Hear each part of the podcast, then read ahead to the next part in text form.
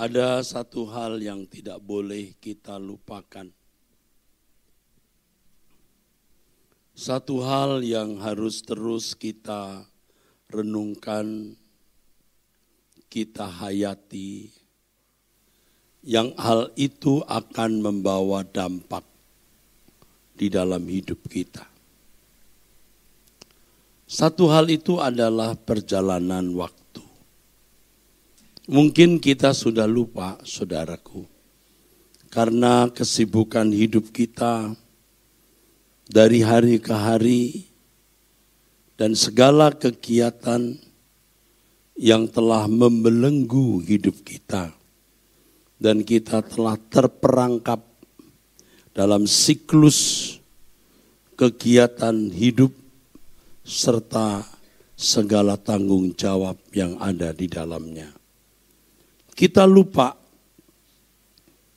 kita kurang menghayati, bahkan mungkin juga tidak menghayati sama sekali bahwa kita ada di dalam perjalanan waktu. Perjalanan waktu ini gagah, kokoh, dan sebenarnya juga bisa mengerikan saudaraku. Gagah, kokoh, kadang-kadang laksana sombong. Setiap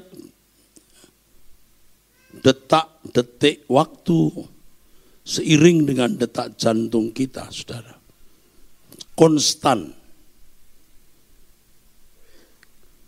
Anda berhenti, dia tetap jalan. Anda lari, dia tetap jalan. Anda jalan, dia juga jalan.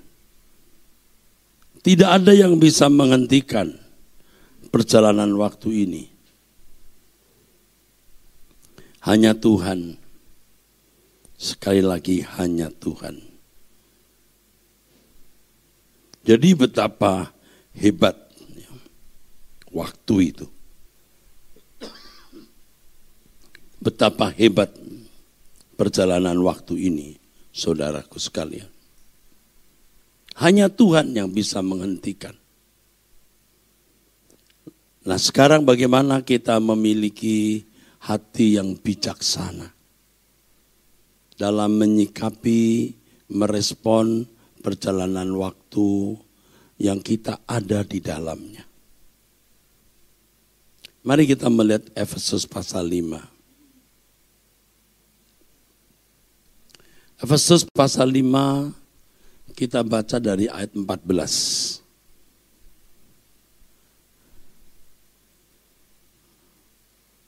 Efesus 5 pasal 5 maksudnya ayat yang ke-14. Itulah sebabnya dikatakan, bangunlah hai kamu yang tidur dan bangkitlah dari antara orang mati dan Kristus akan bercahaya atas kamu. Terus? Karena itu perhatikanlah dengan seksama bagaimana kamu hidup. Janganlah seperti orang bebal, tetapi seperti orang arif. Dan pergunakanlah waktu yang ada, karena hari-hari ini adalah jahat. Sebab itu janganlah kamu bodoh, tetapi usahakanlah supaya kamu mengerti kehendak Tuhan. Bapak, Ibu, saudaraku sekalian yang kekasih,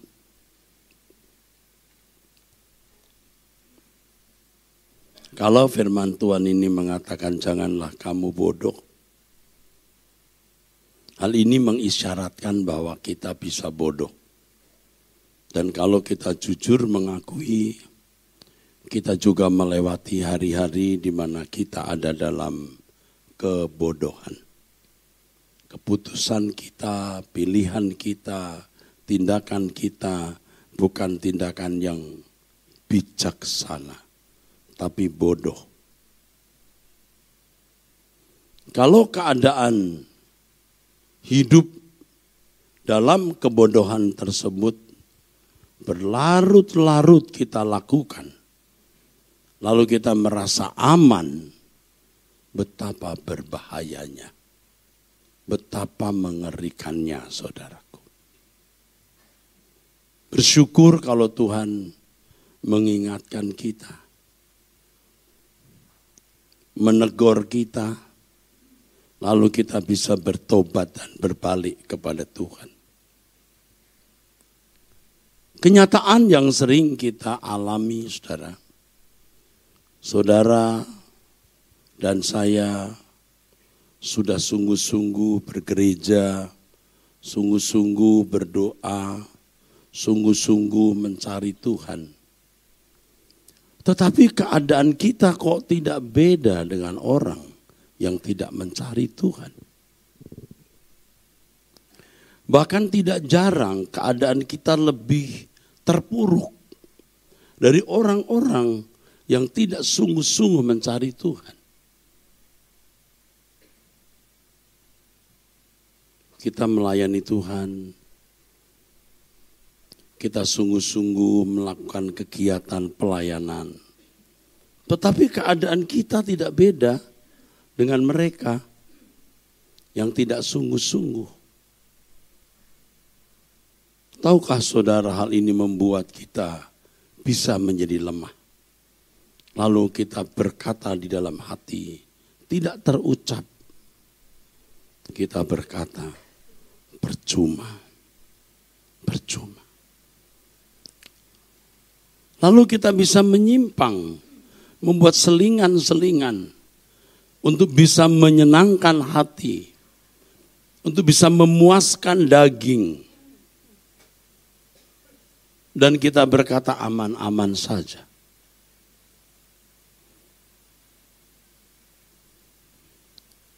Kalau penyimpangan itu terus-menerus, selera jiwa kita menjadi rusak. Itu seperti candu. Seperti candu yang membelenggu hidup kita dan yang membawa kita kepada kebinasaan. Sementara waktu berjalan terus, kita menjadi tua. Dan perlu Bapak Ibu ketahui semakin tua sebenarnya seseorang semakin sulit berubah. Kalau orang muda, kanak-kanak lebih mudah berubah. Makanya Tuhan Yesus berkata, jika kamu tidak bertobat dan menjadi seperti anak kecil, itu anak usia 7 sampai 14 tahun yang namanya paidion.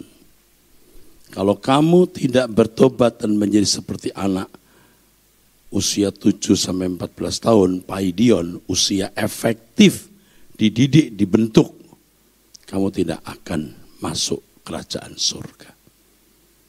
Jadi saudara-saudaraku sekalian di sini dibutuhkan ketekunan.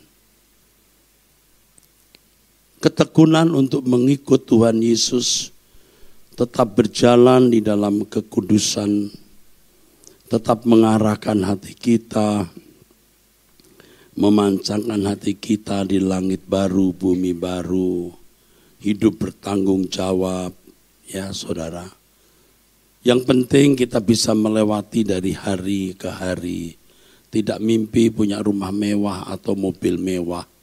Tidak mimpi bisa jalan-jalan ke tempat jauh. Ya kalau Tuhan berkati kita bisa beli barang bagus yang harga mahal, bisa wisata di tempat yang jauh. Kalau tidak, tidak apa-apa. Lewati dari hari ke hari. Itu yang Tuhan katakan, asal ada makanan, pakaian cukup. Sederhana, tetapi ini prinsip hidup kekristenan, saudara. Prinsip hidup kekristenan. Kita harus tetap ada dalam integritas.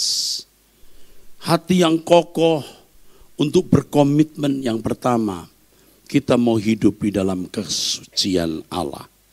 Living in his perfect holiness. Nanti kalau sudah tua kita nggak bisa benar. Waktu muda daging kita masih mau dipuaskan dan kadang-kadang kita turuti. Ya. Percuma hidup benar toh tidak beda dengan yang lain. Lalu menyimpang.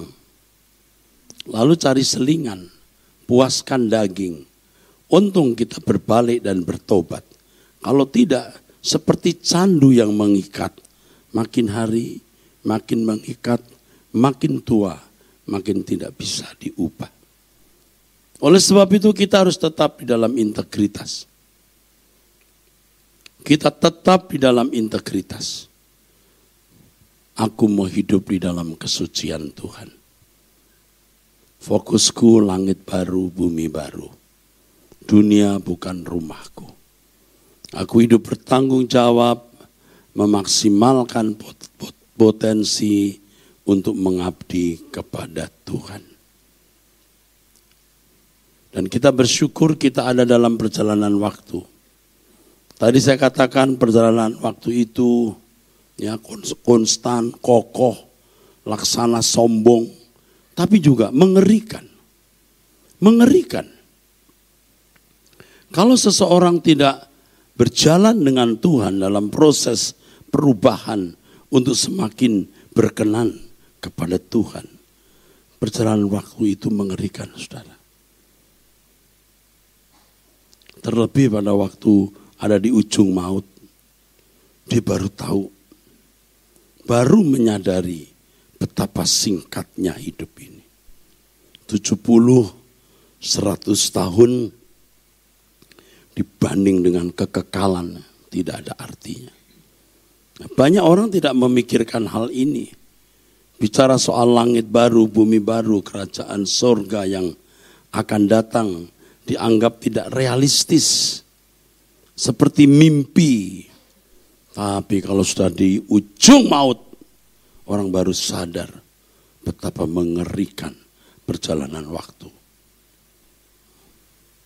Saudara bisa membuktikan suatu hari. Ketika saudara ada di ujung maut, saudara akan merasakan betapa cepat waktu berlalu. Rasanya baru kemarin menikah, lalu baru menggendong anak. Sekarang anak sudah besar.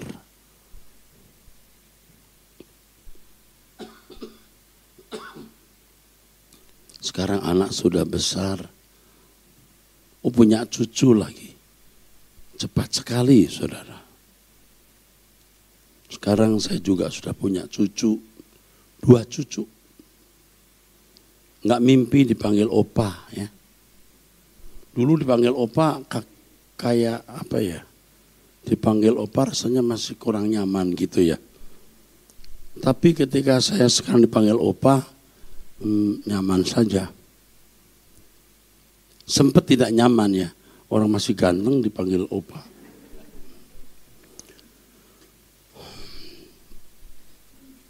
Ya, tapi akhirnya ya, ya sudah. Perjalanan waktu itu saudara harus perhatikan dengan serius karena tadi saya katakan mengerikan. Kenapa bisa mengerikan? Ia tidak kompromi. Kalau sudah berkata hari ini Hari ini kau mati, mati saudara. Tadi waktu berdiri di sini dari keluarga Lestuni, aduh dulu masih kecil-kecil ya. Febi ya paling kecil ya, masih sekolah minggu ya. Remaja sekolah minggu. Sekarang sudah pas. Ini kalau ada penjelmaan mamanya itu di Febi. Persis mamanya Feby persis. Satu persatu ya lewat. Di sini majelis juga satu persatu lewat. Ya. Pak Daud, Pak Suki, Pak Markus, Pak Sabtori udah hampir. Pak Sabtori ini hampir. Saya di Pak Sabtori hampir. Waktu itu lagi apa tinggi-tingginya COVID ya. So saya diminta untuk besok Pak Sabtori, saya bilang, enggak, Pak Sabtori tidak boleh meninggal dunia dulu. Padahal anaknya udah siap di sana, saya nyusul. Saya telepon ke Pak Sabtori. Pak Sabtori, enak aja loh. Tunggu saya dong. Kita masih ketemu di perdatam. Betul nggak Pak? Bapak belum dipanggil Tuhan. Saya nggak besok. Bapak belum dipanggil Tuhan. Padahal waktu itu keluarga juga sudah mengisyaratkan hari terakhir. Tapi saya punya iman tidak. Betul. Pak Sabtar harus balik. Eh balik. Ini memang gak ada matinya nih. Ini lagu ditulis untuk istri sebenarnya ya.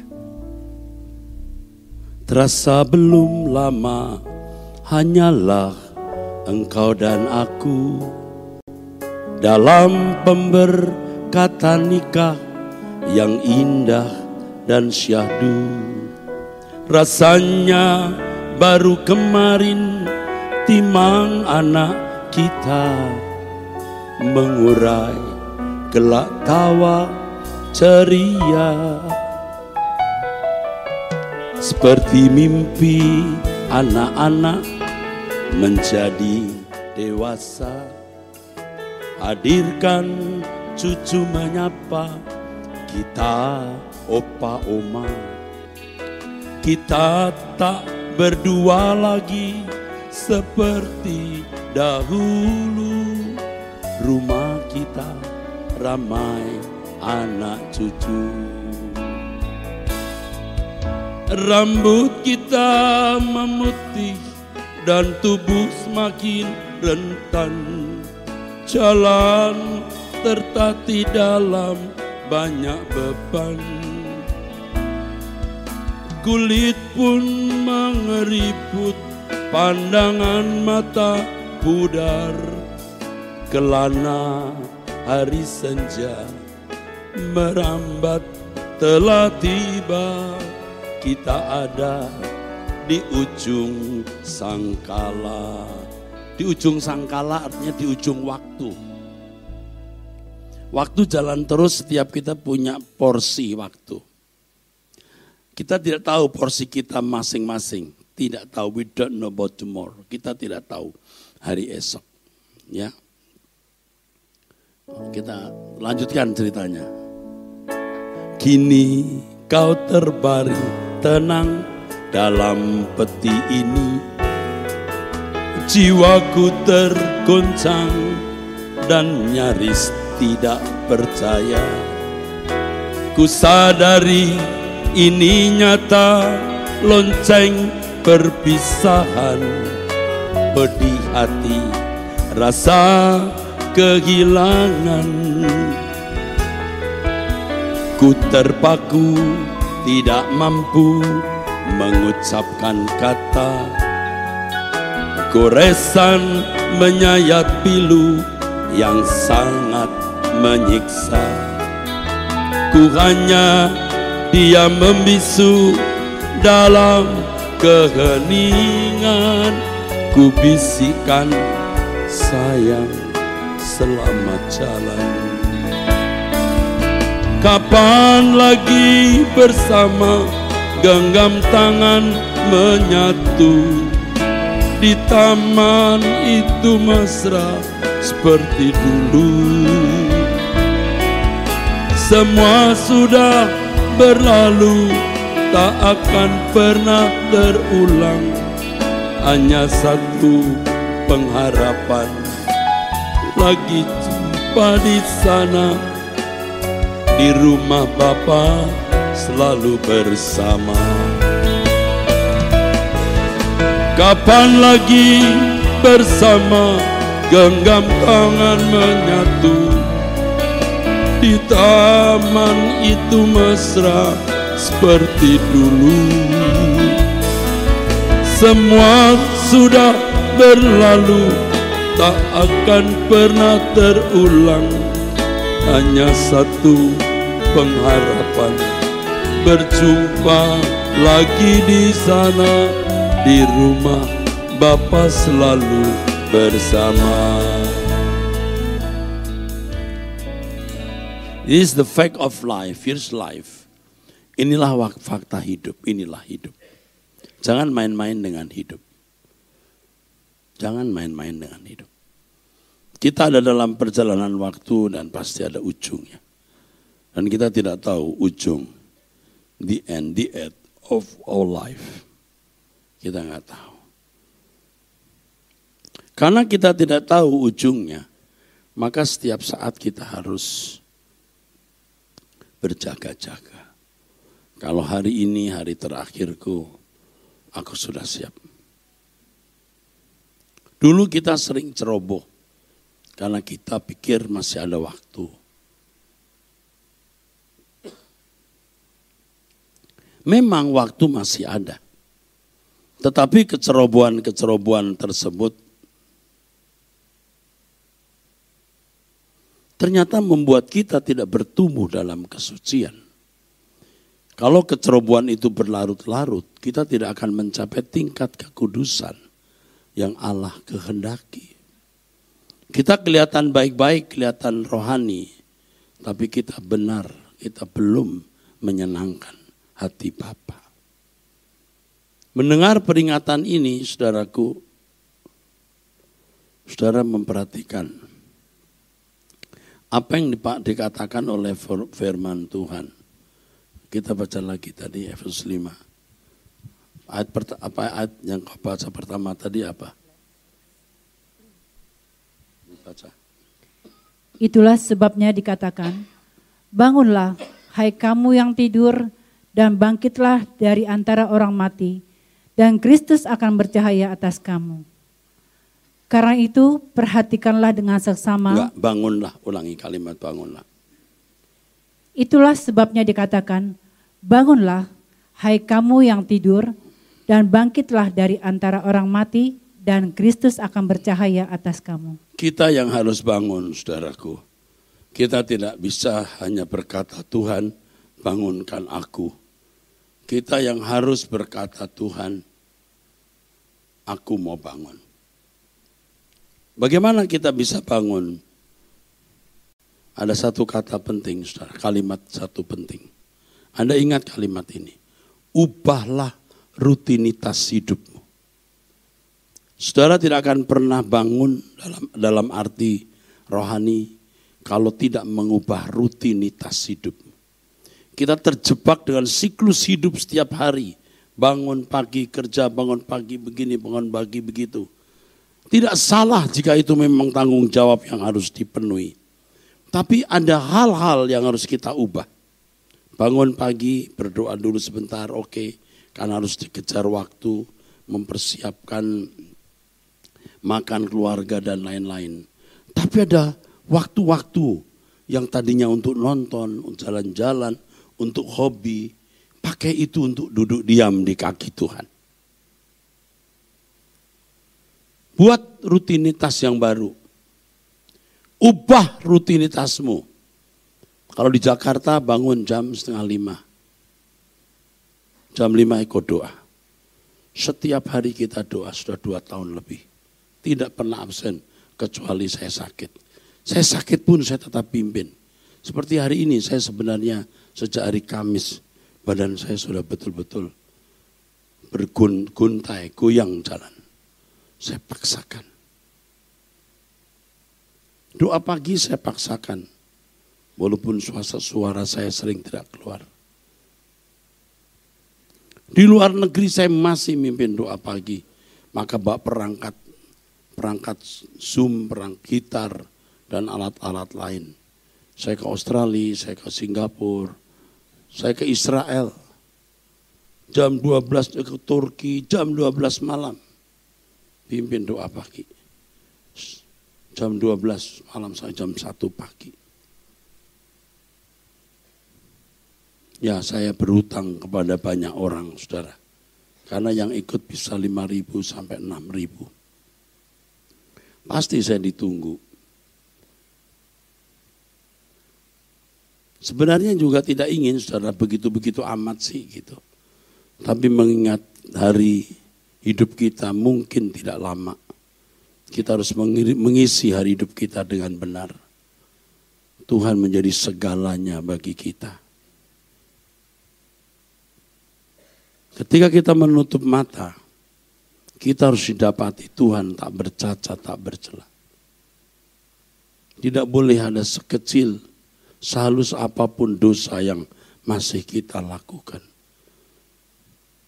Kebahagiaan kita itu hanya nanti di langit baru, bumi baru. Di dunia ini tidak bahagia, saudara. Saya hari ini lebih banyak materinya dibanding saya di waktu-waktu lalu. Tapi saya membuktikan dengan mobil bagus, dengan rumah nyaman, tidak membuat saya bahagia. Ternyata hanya langit baru, bumi baru saja.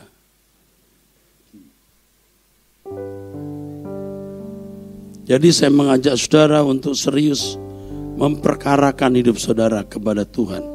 Saudara ada dalam perjalanan waktu, setiap saat saudara bisa diperintahkan pulang dan tidak seorang pun bisa menahan saudara. Kalau hari ini hari terakhirku, ku pulang ke rumah abadi Bapakku.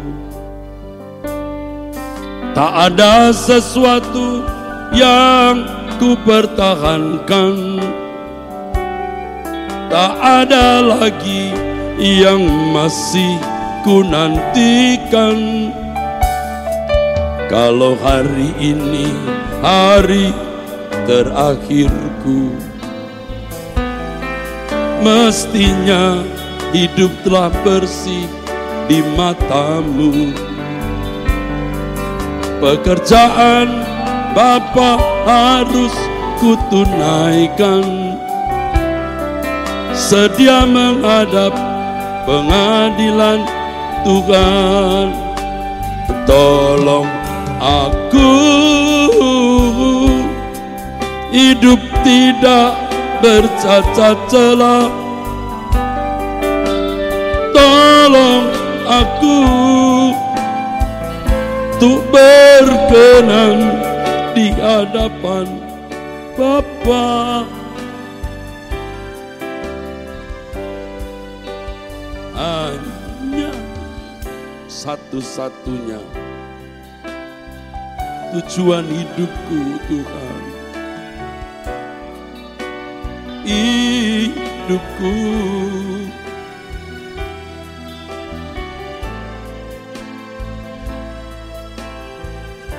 di kerajaanmu. Haleluya.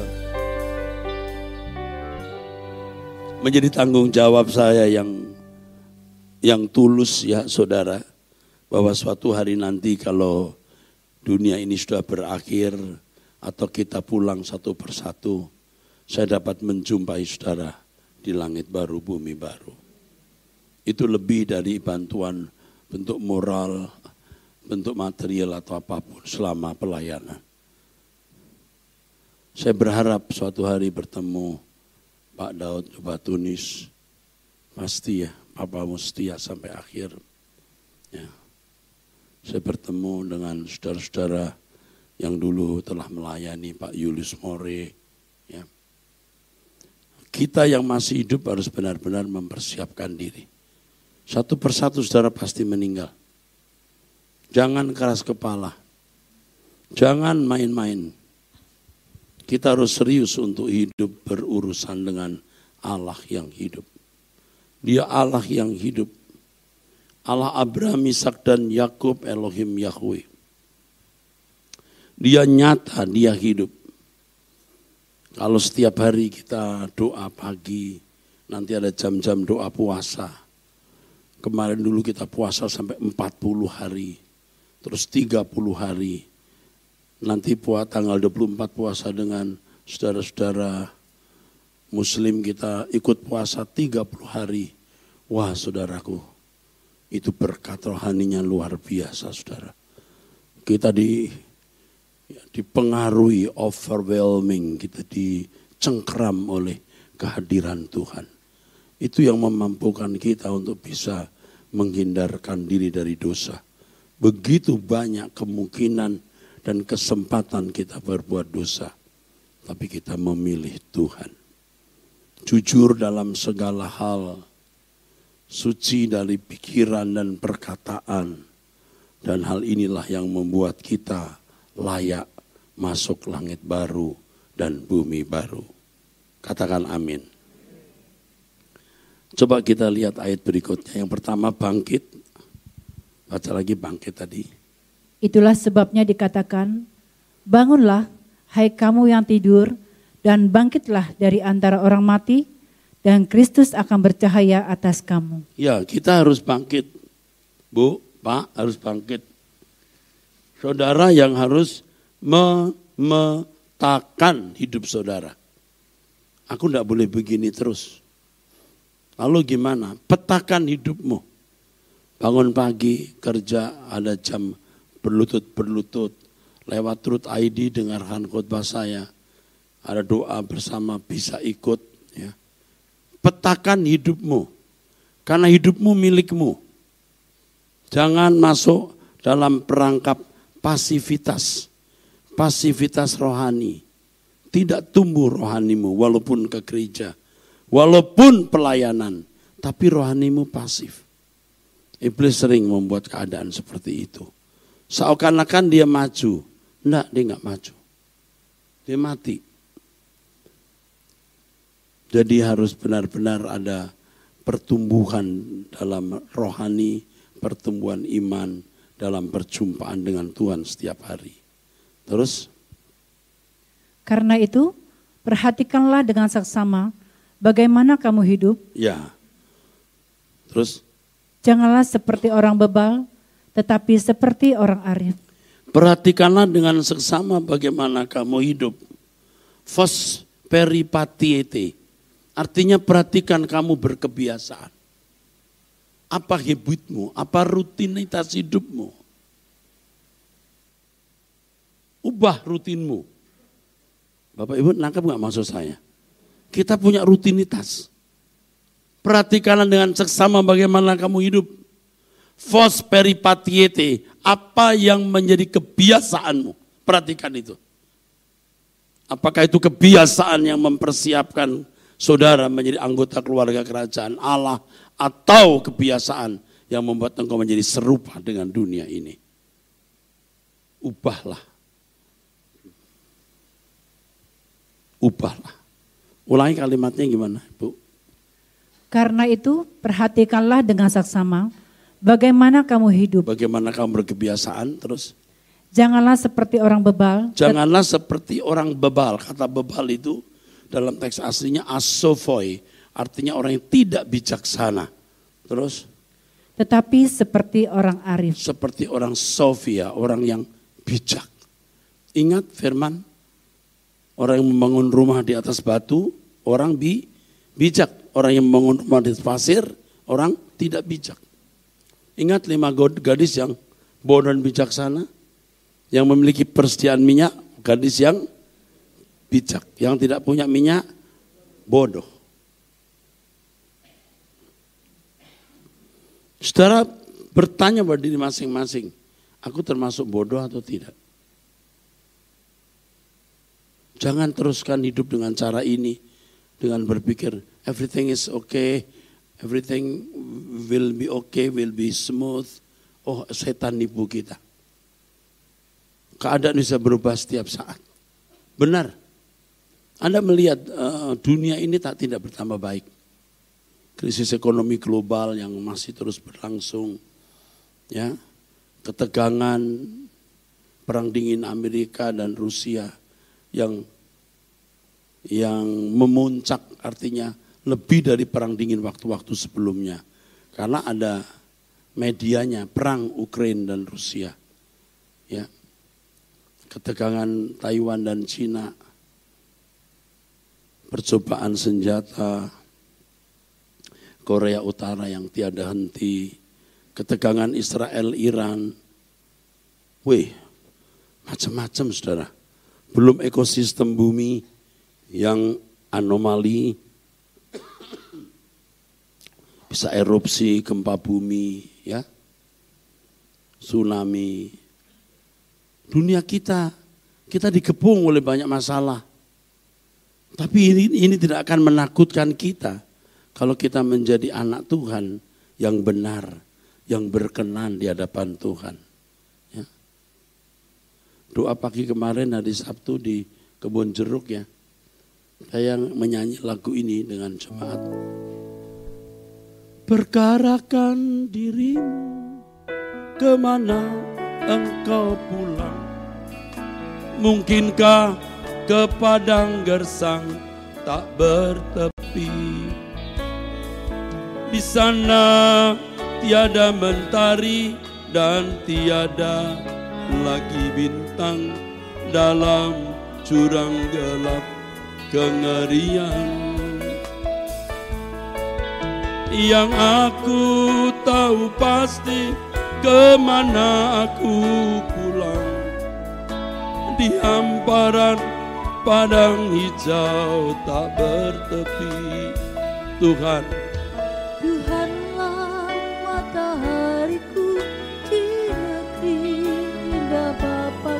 Ke sana ke sana kami pulang bersama. Nyanyikan yang aku tahu pasti.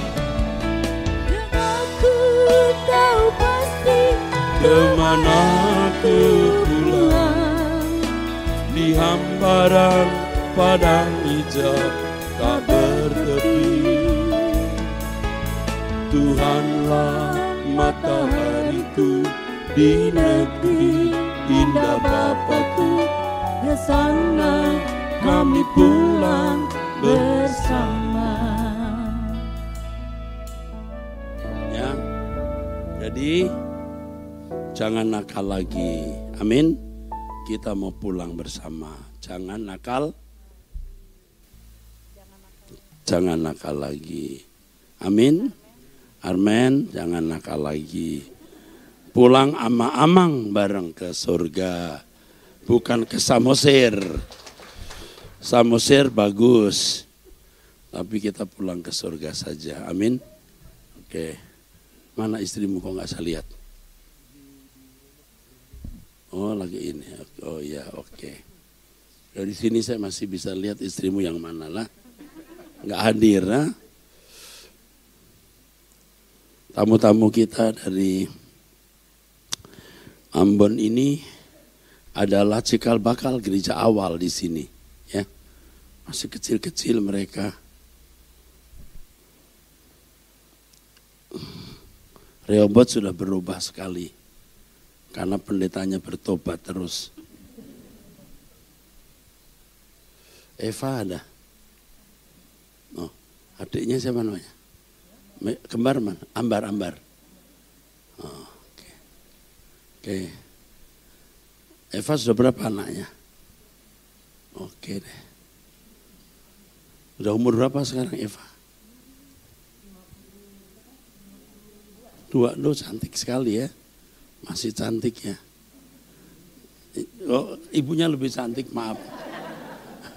Marah dia. Bagak. Ini juga lama nih. Pak Sinaga ya. Agung, sekarang Agung sudah menjadi aparat dengan pangkat yang cukup tinggi. Tinggi lah, bukan pangkat cukup tinggi. Ah, puji Tuhan. Jadi saya juga melihat bagaimana pertolongan Tuhan ya atas kita walaupun melewati hal-hal yang sulit. Tapi kalau kita memandang Tuhan, Tuhan pasti tolong ya. Pak Septori saja cucunya udah pinter sekarang di med, apa di apa mulmed multimedia. Udah pinter itu cucu yang dulu ya. Oh. Oh. Ya ya ya bagus. Tuhan pelihara semua dengan sempurna. Ya, pasti. Pokoknya kita jangan tinggalkan Tuhan. Kalaupun kelihatan sama dengan orang lain, kita yang tekun, ada dibedakan. Pasti ada bedanya. Pasti ada bedanya. Saudara sekalian, hari ini setelah kebaktian ada dari Dokter Handi, ini juga sahabat saya nih, dengan Ibu um, akan memberikan bimbingan mengenai manupos.